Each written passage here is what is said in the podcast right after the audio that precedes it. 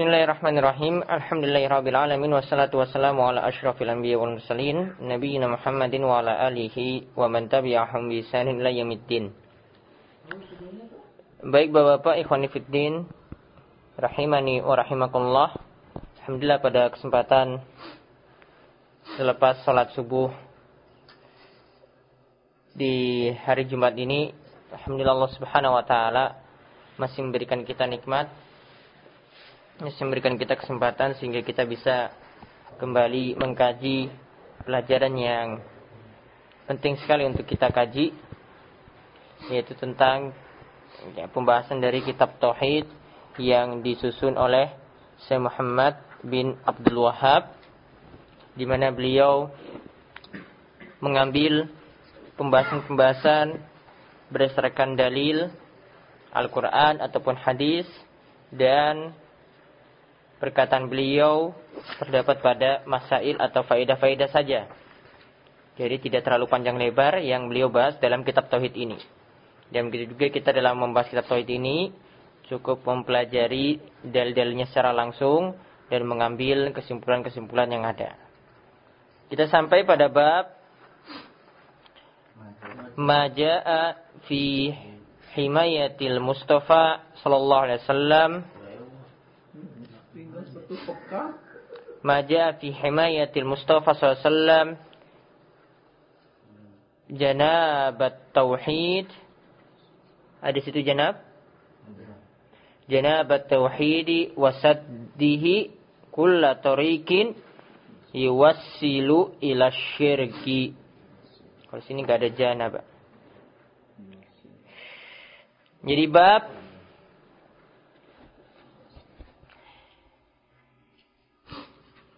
himayah yaitu upaya upaya Rasulullah sallallahu alaihi wasallam Mustafa yakni mukhtar pilihan yaitu Rasulullah sallallahu alaihi wasallam janabat tauhid yaitu untuk menjaga tauhid wasaddihi kulla tariqin dan untuk menutup kulla tariq setiap jalan yuwasilu ila syirki yang mengantarkan kepada kesyirikan.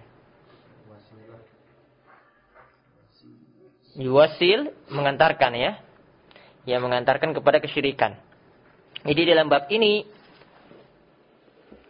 yaitu Nabi SAW ingin menjelaskan kalau bab-bab sebelumnya itu tentang gulu terhadap orang soleh sampai berlebihan terhadap kuburnya, ya, kubur orang soleh tersebut dijadikan ausan, sesuatu yang disembah selain Allah. Dan di sini terangkan bahwasanya Nabi SAW sendiri sudah menutup jalan agar umatnya itu terbentengi tauhidnya dan ditutup segala jalan menuju kesyirikan. Tutup segala jalan menuju kesyirikan.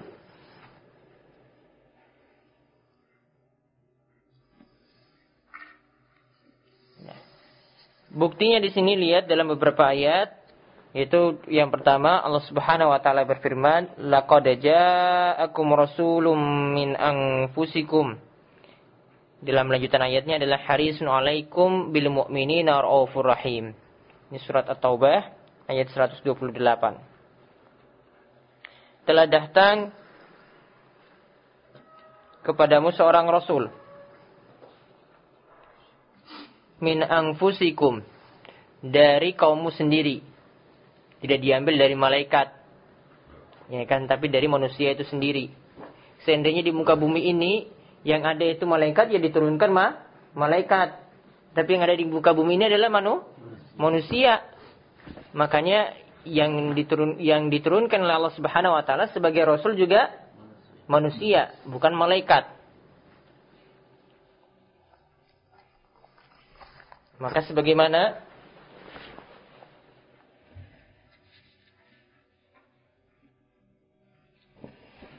dalam surat Al-Isra Allah Subhanahu wa taala katakan kullau kana fil ardi malaikatu yamshuna mutmainnina lanazalna 'alaihim minas sama'i malakar rasula. Seandainya di muka bumi itu ya isinya itu para malaikat. Sifat malaikat itu apa? Yamshuna mutmainnina. Mereka itu berjalan di muka bumi dalam keadaan tenang. Dan nazalna alaihim maka kami akan turunkan di muka bumi juga apa? Minas sama'i dari langit adalah malaikat rasula. Malaikat sebagai seorang rasul. Karena orang-orang musyrik itu membantah, kenapa yang datang kepada tengah-tengah kami itu manusia? Kenapa bukan malaikat yang turun dari langit? Nah, jawabannya karena kamu juga manusia, maka diturunkan juga utusannya juga manusia. Seandainya di muka bumi ini malaikat semua, maka yang diturunkan itu adalah utusan malaikat juga, rasulnya juga malaikat. Nah, maka di sini dikatakan laqad ja'akum rasulun min anfusikum.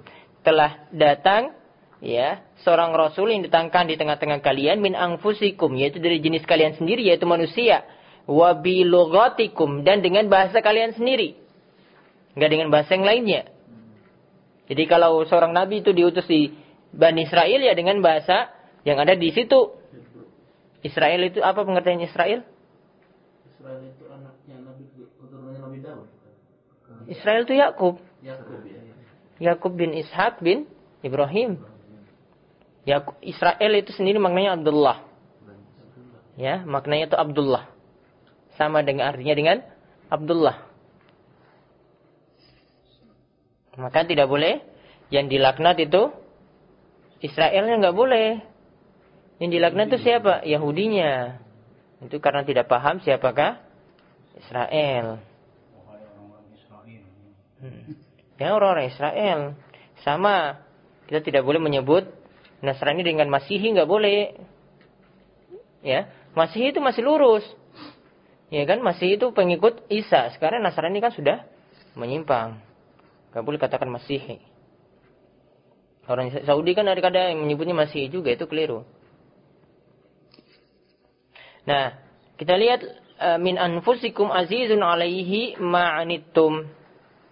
Yaitu aziz Dikatakan aziz alaihi itu syadid alaihi jiddan wa huwa khabarun muqaddam. Yaitu ini adalah khabar yang dikedepankan.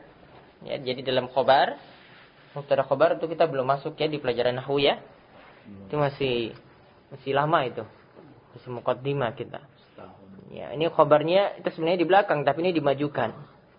Yaitu dikatakan syad, uh, azizun alaihi. Itu Nabi SAW itu bersikap keras ma'anittum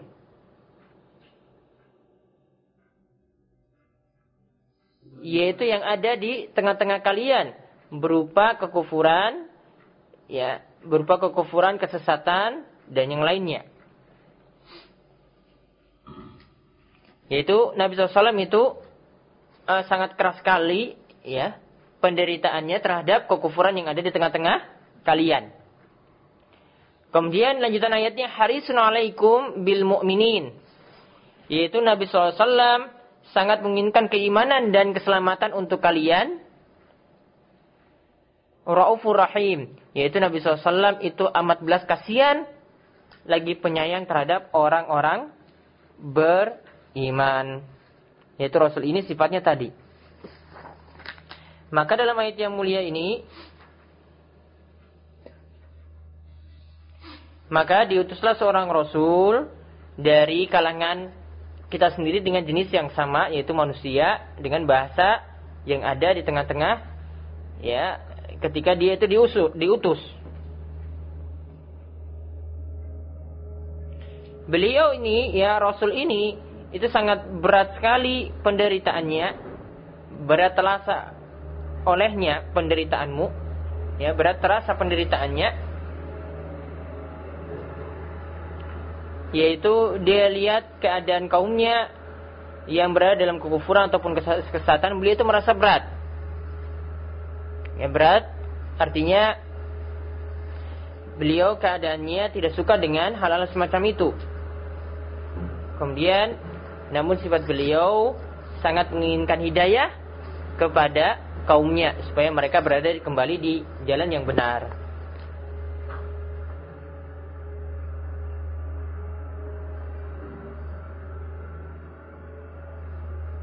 Jadi tadi kalau dikatakan Nabi SAW itu uh, Rasul itu sifatnya azizun alaihi ma'anitum yaitu Nabi SAW itu tidak suka sekali terhadap kekufuran yang ada di tengah-tengah umatnya maka ini menunjukkan bahwasanya beliau itu memperingatkan dengan keras perihal-perihal kekufuran dan kesyirikan. Dan kalau sifat beliau seperti ini, seorang rasul seperti ini, yaitu Rasul Sam itu seperti itu, maka beliau akan menutupi setiap jalan menuju kesyirikan. Jadi ini ada kaitannya dengan bab, yaitu pada kalimat Azizun alaihi ma'anitum. Itu beliau sangat keras sekali terhadap, ya tidak mungkin beliau itu berat penderitaannya karena melihat kekufuran yang ada di tengah-tengah umatnya.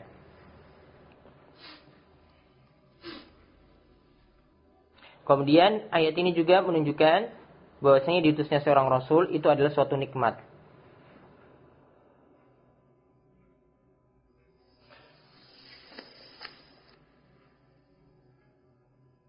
Kemudian dalil ini juga menunjukkan bahwasanya Nabi SAW itu sangat keras sekali terhadap orang kafir dan orang-orang munafik. Beliau tidak senang dan kekufuran dan kemunafikan yang ada pada diri, diri mereka. Jadi ayat ini menunjukkan sekali lagi bagaimana sikap Nabi SAW. Ya, beliau ingin memperingatkan umatnya agar tidak terjerumus dalam kesesatan, ya, termasuk dalamnya adalah kekufuran ataupun kesyirikan. Kita lihat lagi dalam dalil selanjutnya dari Abu Hurairah, wan Abi Hurairah radhiyallahu anhu, qal ia berkata bahwasanya Rasulullah SAW itu bersabda, La taj'alu buyutakum kubura wa la taj'alu qabri 'idan wa sallu alayya fa inna salatakum tabluguni haitsu kuntum. Yaitu Nabi SAW katakan, La taj'alu buyutakum kubura. Jangan jadikan rumah kalian itu seperti seperti apa? Kubur. Artinya apa di sini? Maksudnya di sini apa? Di kubur itu ada sholat atau tidak di kubur? Tidak ada. Ada sholat sunnah juga? Tidak ada kan? Ada doa? Boleh nggak doa di kubur? Eh, mendoakan boleh. Kalau doa minta pada mayit? Kalau mayit dijadikan tawasul sehingga ada tawakal di situ, ada sembelian di situ, ada ibadah-ibadah yang lainnya di situ? Tidak boleh, itu syirik akbar, ijma ulama. Kita bahas sudah bahas di Nawakidul Islam ya. Jadi doanya kalau minta kepada mayit ini jelas syirik, ini sudah jelas kesyirikannya. Kalau doanya itu ya, jadikan mayit sebagai perantara dengan maksud nanti ada ibadah-ibadah juga yang ditujukan kepada mayit, jadi jadi tawakal kepada mayit tadi, ya. Kemudian ada sembelian lagi, ada sesajian lagi untuk mayit ini sebagai perantara supaya doanya terkabul. Maka ini syirik akbar. Kalau sampai ada perantara, kemudian menyebabkan ibadah lain tidak ditujukan kepada mayit tadi. Kalau berdoa kepada mayit, tujuannya adalah dia minta pada Allah, tapi afdolnya berdoa di kuburan. Tidak boleh juga. Tapi ini tidak sampai syirik akbar. Ini adalah amalan yang tidak ada tun, tuntunan, tidak sampai syirik itu. Tapi ini pengantar menuju syirik. Ya, ini pengantar menuju syirik. Jadi kalau dia yakini paling afdol doa di sunan ngampel ini. Kalau saya berdoa di masjid ini kurang afdol. Saya datang di kuburan dulu. Kurang busuk. Ya, baru doanya itu mustajab. Ada dalilnya nggak di situ? Ada Nabi pernah sebut di Sunan Ngampel itu nanti doanya mustajab ada? Anda suf? Itu ada dia ngambil pakai dalil itu yang palsu. Ya, kalau ada dalil palsu. Ya Rasulullah bukan Sunan Ngampel kan, dia nggak pernah datangi Sunan Ngampel kan. Nggak pernah datangi Sunan-Sunan di tempat kita.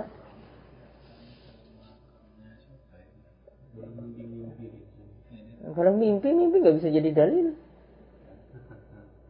Iya kan? Nggak bisa. Jadi ini jadi bid'ah nanti. Ya, kalau jadikan perantara sedangkan tidak ada dalil di situ. Datang ke kubur saya Abdul Qadir Jailani. Datang ke kubur ya Badawi dan yang lainnya ini di Mesir. Ya, di Mesir seperti itu atau di kubur-kubur Indonesia. Kalau nganggap Abdulnya di tempat tersebut, nggak minta kepada kubur, nggak jadikan kubur sebagai perantara juga, namun nganggapnya apa? Abdul di tempat tersebut. Maka apa? Ya, ini adalah bid'ah, tidak ada dalilnya, tidak ada tuntunannya, dan pengantar menuju syirik. Kalau penantar menuju syirik berarti syirik asgor.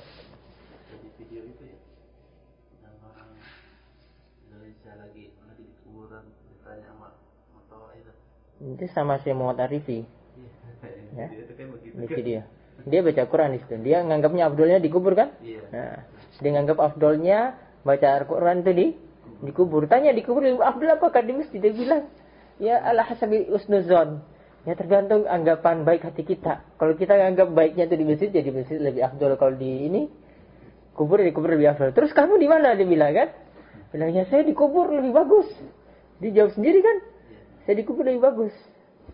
Nah, lalu saya bantah, enggak seperti itu. Nah, ini dalilnya di sini tidak boleh ya menjadikan rumah kita sebagai kubur karena kubur itu memang tidak ada ibadah di dalamnya, mendoakan mayat saja kan. Tapi kalau baca Quran, kalau Dikir. baca Yasin boleh nggak dikubur? Yang tidak ada tuntunannya seperti itu ya. Ya, baca Yasin ataupun sholat sampai sholat di situ ataupun sampai sujud yang seperti dilakukan orang-orang Rafidah, orang-orang Syiah kepada kubur-kubur wali-wali mereka, ya kubur Hussein ya. Jelas ini adalah suatu yang telah melampaui batas. Ya, jadi dalil ini juga menunjukkan bahwasanya tidak boleh kita jadikan rumah seperti ku, kubur. Harus ada salat sunat di dalamnya, harus ada ya ibadah-ibadah dalamnya juga. Dan ini juga anjuran bahwasanya sholat sunnah yang lebih afdol itu dilakukan di di rumah. Ini dalilnya. Karena kan sholat wajibnya di masjid. Berarti sisa sholatnya ya sholat sunnah. Berarti sholat sunnahnya di rumah. Juga itu itu kan Rasulullah itu pernah itu dia tidak tahu sahabatnya mati kemudian dia datang ke kuburan untuk sholat gaib. Bagaimana kalau sholat seperti itu? Sholat gaib ada itunya nggak? Rukuk semua sujudnya? Oh, yang harus Fi? Tapi kan namanya sholat juga gitu kan. Ini sholat tapi kan tidak ada ini. Makanya sholat jenazah kalau orangnya itu belum menyolatkan mayitnya, dia boleh datang di kubur kemudian dia menyolatkan mayitnya. Tapi menghadap kiblat tidak ada ruku dan sujud. Ya kan? Jadi beda. Kemudian wala taj'alu qabri 'idan dan janganlah jadikan kuburku yaitu kuburnya siapa? Rasulullah SAW sebagai Aid. Aid itu artinya ya namanya Aid ya. Ma ya'tadu maji'uhu wa qasduhu min zaman wa makan. Yaitu suatu yang terus berulang. Ya. Didatangi terus terus berulang. Berulangnya di sini baik dari sisi waktu ataupun tempatnya. Jadi tempat itu didatangi terus. Atau waktu ini setiap waktu ini ada terus. Nah, setiap Jumat berarti ini Id. Kan ada sholat Jumat ya kan? Setiap satu Syawal di, ada sholat Id di situ ya kan? Berarti ini Id juga. Diulang kan waktunya kan? Nah, setiap haji tempatnya di mana? Ya di Arafah sana kan? Ini juga Id. Jadi Id itu bisa dari sisi tempat ataupun waktu. Itu namanya Id. Jadi kalau di sini maksudnya apa? Wala taj'alu qabri aidan, janganlah jadikan kuburku ya, bisa jadi tempat berkumpul. Nanti berkumpulnya di situ terus. Ya. Atau berulangnya waktu juga sama. Ya. Jadi setiap tanggal misalnya Maulid Nabi datang ke kubur Nabi terus. Ya. Atau Nabi diagungkan pada tanggal tersebut, pada hari tersebut, padahal tidak ada dalilnya. Jadi tidak boleh jadikan kuburnya, kubur Nabi SAW itu sebagai Aid. Nah ini di antara dalil juga. Kalau ya tidak boleh punya keyakinan bahwasanya setiap kali sholat, eh, datang kubur Nabi dulu, salam dulu, nanti keluar lagi. Nanti habis sholat waktu lagi, ya asar, salam lagi. Maghrib, salam lagi. Nggak boleh. Nggak boleh terus-terusan ya kan? Cukup sekali datang aja. Pas habis kita safar ke sana, ziarah, lewat situ sudah sekali. Nggak perlu ulang-ulang. Ini sebagian ya di antara kita itu ada yang ulang-ulang terus. Terus setiap. Terus setiap sholat, oh kubur Nabi dulu sana. Sana lagi. Nggak boleh berulang-ulang. Ya. Nggak boleh berulang-ulang. Cukup sekali aja pas datang. Ini dalilnya. Kemudian, wasallu alayya fa inna salatakum tablughuni haitsu kuntum dan bersalawatlah. Salat itu bisa bermakna salat, bisa bermakna salawat. Jadi kalau di sini maknanya salawat. Bersalawatlah untukku. Fa inna salatakum karena salawat kalian tablughuni itu sampai kepadaku haitsu kuntum di mana saja kalian berada walaupun kalian jauh dari ya jauh dari Madinah, ada di Riyadh. Salawat, salawat kepada Nabi SAW nanti akan sampai kepada Nabi. Ya, walaupun di Indonesia nggak perlu titip salam, eh nanti titip salam ya sama Nabi ya ketika kamu di Masjid Nabawi ya. kamu sendiri bilang, kamu sendiri ya salam dari sini, salam dari sini, ya itu sampai. Ngapain kamu titip, titip salam untuk Nabi? Iya kan? Ini Nabi SAW bilang, kamu mau salawat di mana pun, ya kan? Tetap sam sampai. Gak usah dititip, oh, nanti salam untuk Nabi ya nanti ketika di Masjid Nabawi ya. Lewat kubur Nabi nanti salam ya dari saya, dari Muhammad ya. Ya taib, taib. Ish, ini kamu bilang, kamu balas. Kamu salawat dari sini saya itu sampai pada Nabi. Gak perlu kamu titip salam ke saya.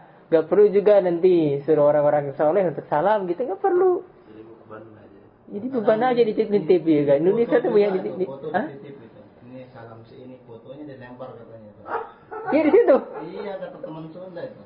Oh, sudah. ini foto kakek saya langsung di ini kan itu. Di di sana di Masjid Nabawi. Katanya. Ada di Nggak boleh dilarang. Ditulis di gunung itu Jabal. Jabal Rahmah. Ini Banyak yang ditipu tuh kemarin. Baik di foto. Ih, faedah. Enggak logis kan?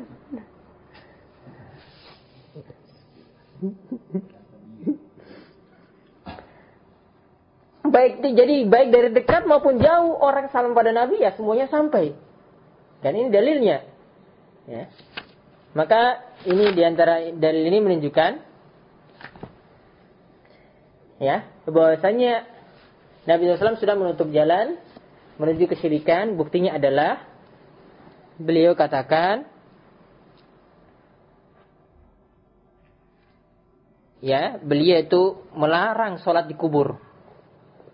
Boleh jadi sholat di kubur ini menghadap kiblat kan? Ya kan? Ini menghadap kiblat.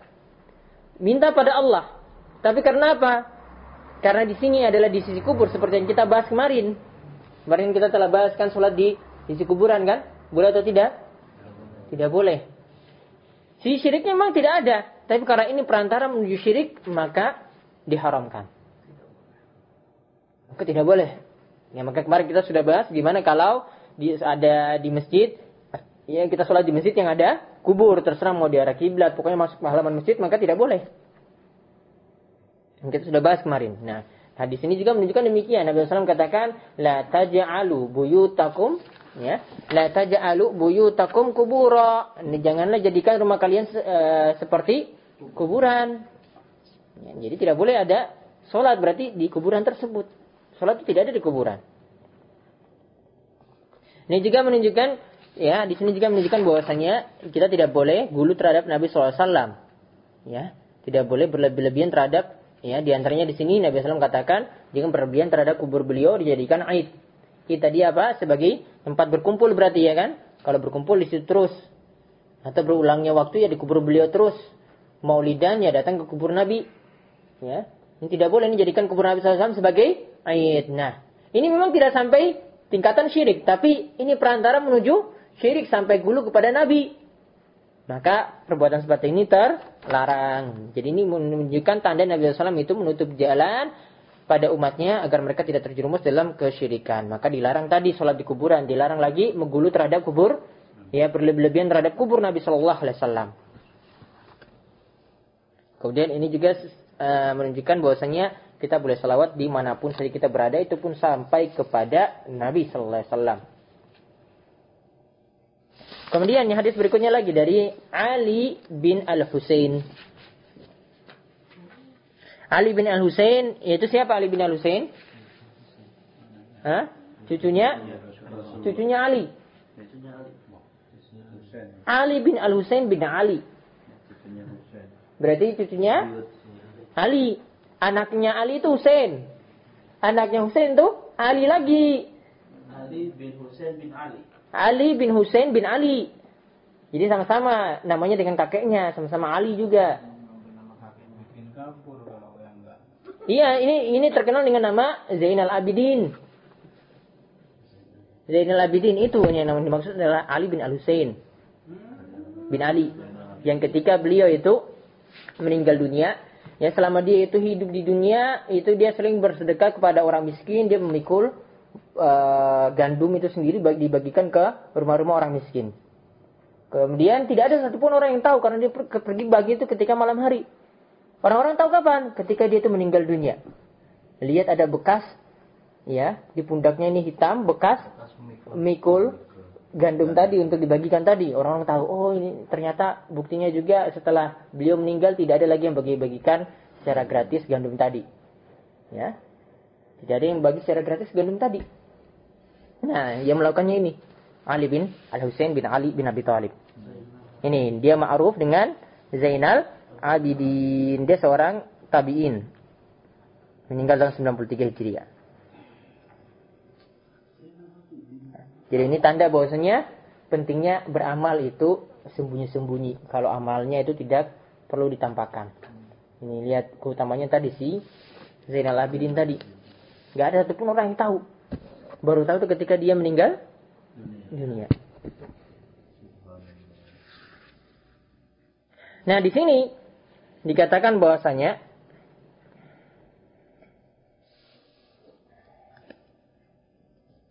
annahu ra'a ya si Ali Ali ini ya cucu, cucunya Ali bin Abi Thalib annahu ra'a rajulan yaji'u ila furjatin kanat inda qabrin Nabi SAW. Bahwasanya dia melihat ada seseorang yang datang ke furja, ada celah, ada lubang yang ada di kubur Nabi Sallallahu Alaihi Wasallam. Di sisi kubur Nabi SAW. Jadi sisi Nabi, kubur Nabi SAW itu ada celah. Kemudian orang itu datang di, kubur, di celah tadi. Ya, jadi di kubur Nabi SAW itu ada celah. Mungkin ini dinding ya kan. Terus nanti celah ini bisa lihat kubur. Ngintip gitu. Intip ya. Fayadkhulu fiha fayad'u fanahahu. Kemudian dia masuk fiha di celah tersebut dan fayada'u kemudian dia berdoa. Berdoanya gimana di sini?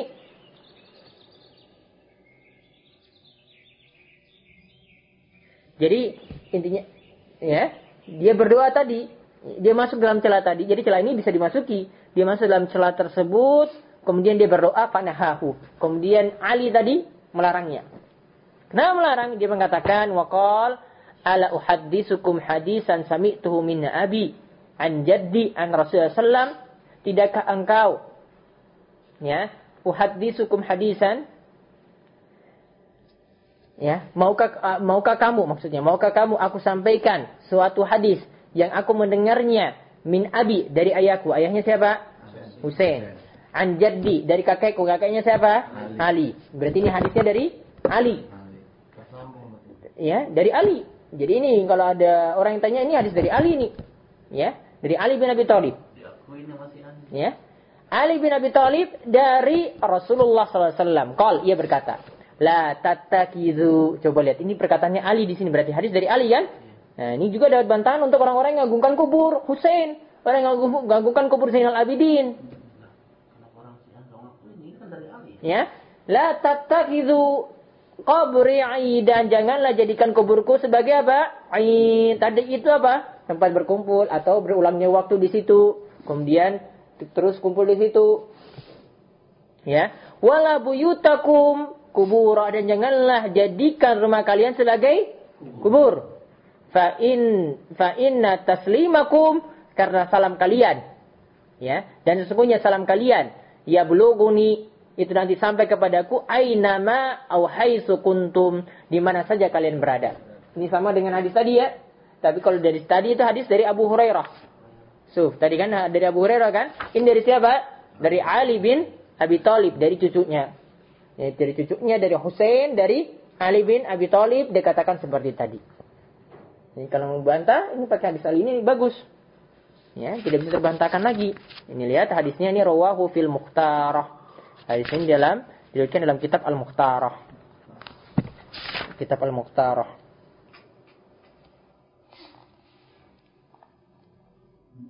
Ini diriwayatkan oleh Diyauddin Al-Maqdisi dalam kitab Al-Mukhtarah. Juga dalam Ahmad fil Musnad itu ada diriwayatkan oleh Imam Ahmad dalam Musnadnya juga. Juga ada dalam riwayat Abu Daud juga ada. Dan ini hadisnya adalah sahih bisyawahidihi wa turukihi. Hadisnya itu sahih dilihat dari banyak jalannya. Ya, jadi hadis ini tidak perlu diragukan lagi. Maka di sini menunjukkan apa? Bahasanya doa di sisi kubur Nabi SAW ya tidak dibolehkan. Buktinya tadi si Husain lihat orang yang tadi berdoa di sisi kubur eh, si Ali Zainal Abidin lihat orang yang berdoa di sisi kubur Nabi SAW gimana? Dia larang. Jadi boleh kita larang orang yang berdoa di sisi kubur Nabi SAW. Ada contohnya dulu. Jadi kalau ada sana polisi-polisi di kubur Nabi SAW larang orang yang berdoa di sisi kubur Nabi SAW boleh. Ini dalilnya. Bahkan harus dilarang memang.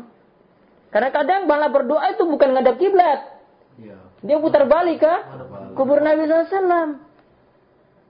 Walaupun dia tidak minta kepada kubur. Ya walaupun tidak minta pada kubur. Tapi ini adalah suatu perbuatan yang keliru. Kemudian ya tadi si Ali bin Husain tadi lihat orang yang keliru tadi, maka boleh kita mengingkari kemungkaran. Ini menunjukkan boleh kita mengingkari kemungkaran. Tapi ingat, yang namanya mengingkari kemungkaran itu sama ketika kita beramar ma'ruf nahi mungkar. Kita kalau beramar beramar ma'ruf memerintahkan kebaikan itu dengan cara yang baik. Maka nahi mungkar juga dengan cara yang baik. Maka ini kata Ibnu Taimiyah, kalau kita mengajak kebaikan itu mesti ma ma'ruf. Ingin amar ma'ruf itu mesti ma ma'ruf dengan cara yang baik. Begitu juga ketika nahi nahi mungkar tidak bisa dengan mungkar juga. Nahi mungkar saya dengan mungkar juga nggak bisa. Nahi mungkar juga tetap dengan ma'ruf dengan baik. Nggak bisa amar ma'ruf baik dengan cara yang baik kalau lemah lembut. Nahi mungkar keras juga nggak bisa.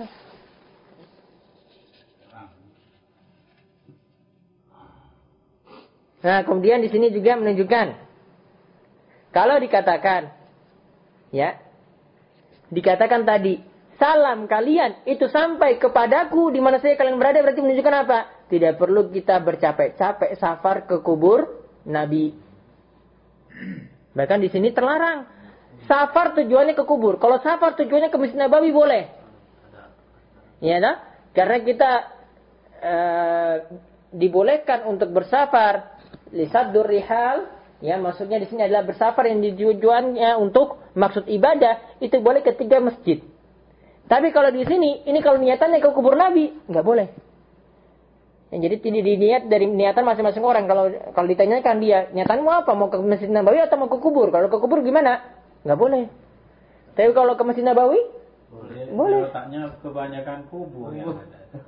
Iya, dijelasin hal ini, nggak boleh. Kalau tujuannya itu untuk kubur. Artinya seandainya masjid ini nggak ada, dia pokoknya mau ke kuburnya. Tapi kalau tujuannya ke masjid, ya kubur tadi, wah ini safar pertama ziarah ke sini ya sudah mampir ke kubur, salam saja sudah langsung keluar. Ya itu boleh. Karena maksud awalnya adalah ke masjid. Tapi kalau maksud awalnya itu ke kubur, nggak boleh.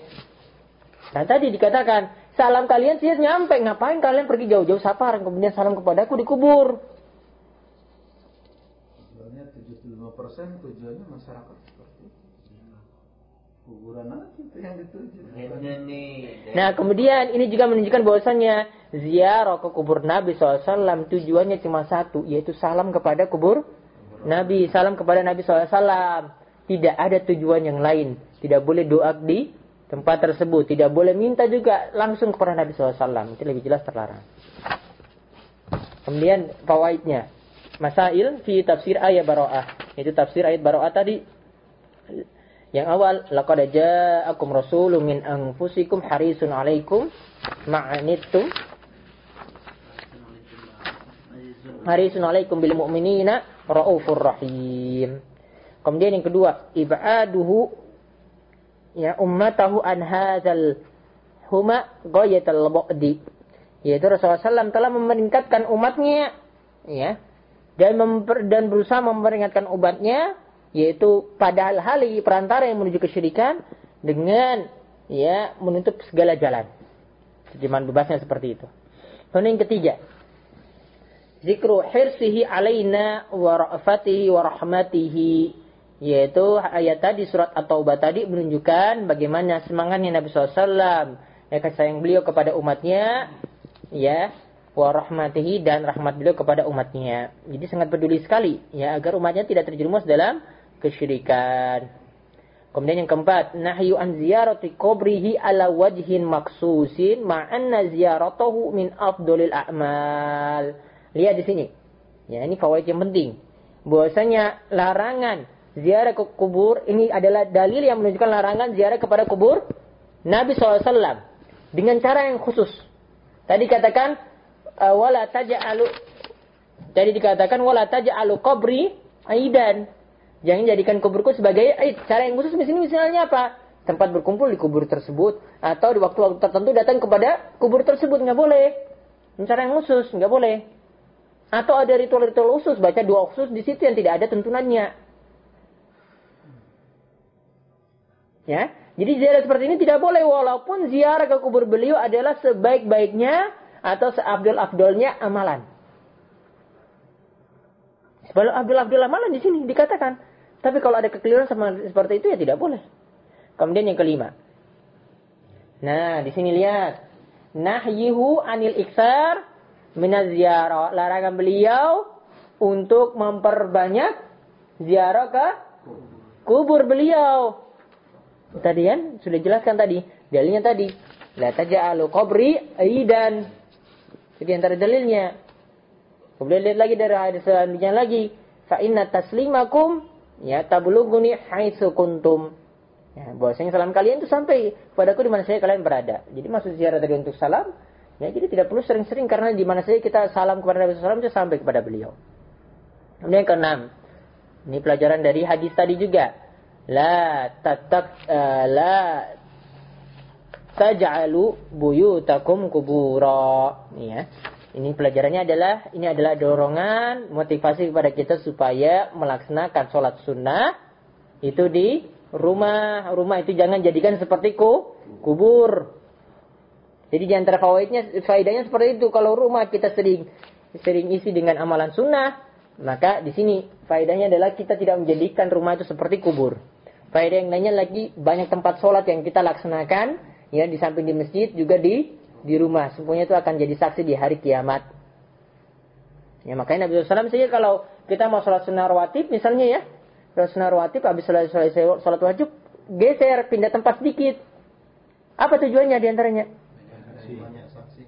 Ya biar banyak saksinya. Kalau pindah tempat ini, tempat ini jadi saksi nanti bagi saya di hari kiamat. Pindah ke tempat belakang lagi jadi saksi semuanya. Jadi banyak yang mendukung dia. Wow, orang ini dulu nih laksanakan sholat sunnah rawatib ini terus.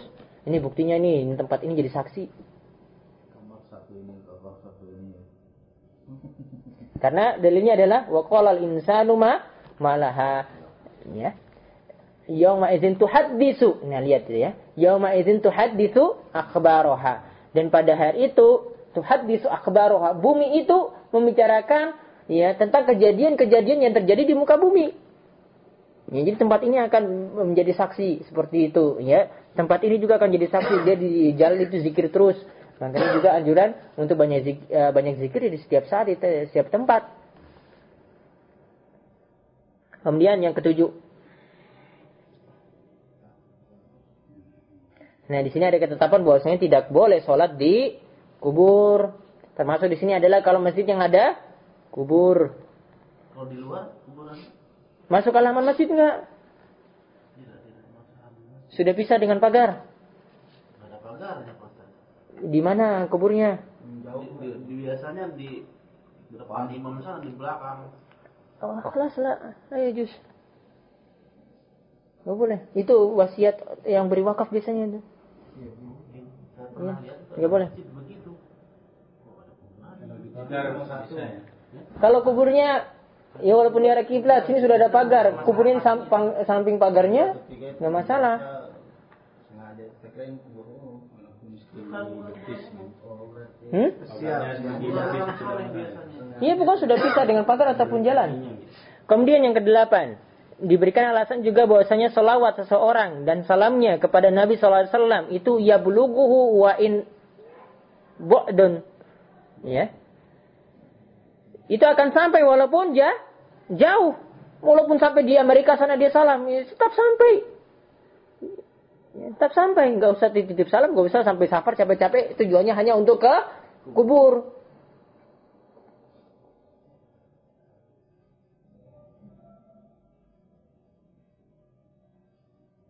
Jadi nggak usah khawatir ya. Mau dekat maupun jauh ya sama saja.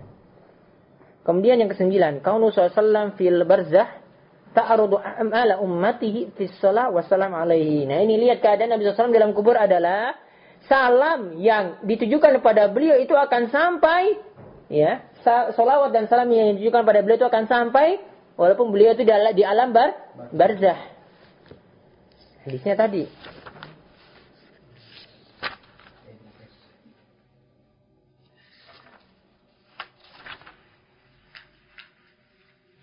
Nah, untuk hari ini satu bab aja ya. Ini sudah panjang soalnya. Nanti besok kita bahas lagi langsung dengan sihir. Pernah menemukan karangan apa apa itu bahwa setiap ada yang berdoa atau apa gimana akan di rohnya Rasulullah dikembalikan dulu gitu kan. Nanti lihat hadisnya itu ya. Saya pernah dengar juga tapi harus dilihat. Allah alam. Ada lagi? Salawatnya umum. Boleh pakai salawat Ibrahimiyah seperti dalam tasyahud. Allahumma salli ala Muhammad wa ala ali Muhammad kama sallaita ala. Atau Allahumma salli ala Muhammad kelas. Seperti ya Rabbi salli ala Muhammad sama. Sama. Lama maknanya betul. Kalau dia pakai salawat badar, pakai salawat nariyah, nah ini yang muskilah. Ya. Ini salawatnya biasa saja. Pakai tasawuf itu lebih afdol. Kalau ada tambahan Sayyidina gitu. Sayyidina dibolehkan di luar tasyahud dan di luar dan di luar uh, ucapan doa setelah azan dibolehkan. Terus ada keyakinan itu lagi kalau ada jemaah haji meninggal di Madinah, Hmm. kan ada hadisnya ada jaminan dari Rasulullah itu kan ada siapa yang meninggal di Madinah. Gitu. Iya, Mekah Madinah ada. Iya. Kalau meninggal Madinah kan dapat jaminan dapat dari Rasulullah gitu kan. Oh, eh, Detailnya saya belum tahu. Ah. Banyak orang meyakini udah pasti surga gitu kan. Surga. Iya masuk surga, ingat tuh kalau ayat atau hadis yang membicarakan masuk surga, ada dua kemungkinan. Kemungkinan yang pertama apa? Kemungkinannya apa? Masuk surga langsung. Yang yang yang dari kalami illallah itu. Iya, masuk surga langsung kan? Yang kedua, Yang kedua mampir dulu neraka, yang penting masuk sur surga. Sama dikatakan sama-sama masuk surga, ya kan? Jadi dua kemungkinan seperti itu sama. Iya. Sama juga dengan kalau seorang muslim yang punya masih punya iman dikatakan masuk neraka, ya kan? Sama seperti itu. Jadi dia masuk neraka. Bisa jadi kekal itu kalau punya syirik akbar yang tidak diampuni. Keluarga yang di Indonesia itu kalau udah ada yang meninggal di senang. Kiai di mana-mana itu nyampe. Itu kiai-kiainya. Jadi istilahnya kalau Indon kan ulama-ulama mana aja itu ratusan mendatangin rumah yang meninggal itu. Padahal orang gunung yang meninggal ini orang pedesaan dalam lah. Tapi kiai-kiai jauh itu datang banyak itu. Sampai nyumbangin ini anak karena menginginkan itu bisa meninggal di Madinah juga ajak sabar ke sini kerja di sini sampai habis riwayat tidak bisa begitu. Nggak bisa juga. Kalau takdirnya antum mati di rumah antum bisa ya nggak udah. pulang-pulang Iya. meninggal dari itu Ada hadis yang mengatakan kalau takdir anda itu ada di mana mati di sana, Allah akan mengirim kamu ke sana. Gitu. Kalau nggak salah begitu maksudnya. Lebih makanya usaha saja makanya sampai itu Subhanakallah wa bihamdika asyhadu an la ilaha illa anta astaghfiruka wa atubu ilaik. Assalamualaikum warahmatullahi wabarakatuh.